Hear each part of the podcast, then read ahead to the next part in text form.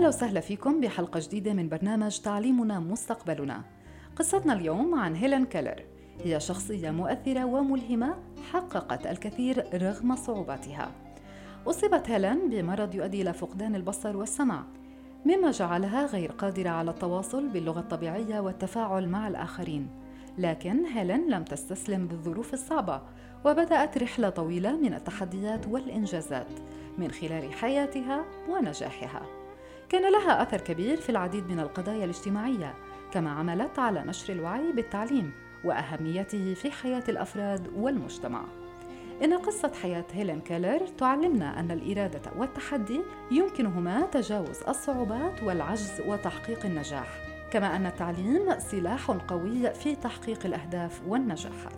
هذه الومضة من ضمن الحملة الشبابية التطوعية المحبة والخير تجمعنا. التي تهدف إلى غرس قيم المحبة والأمل والتفاؤل وفعل الخير بين الناس من خلال التعليم.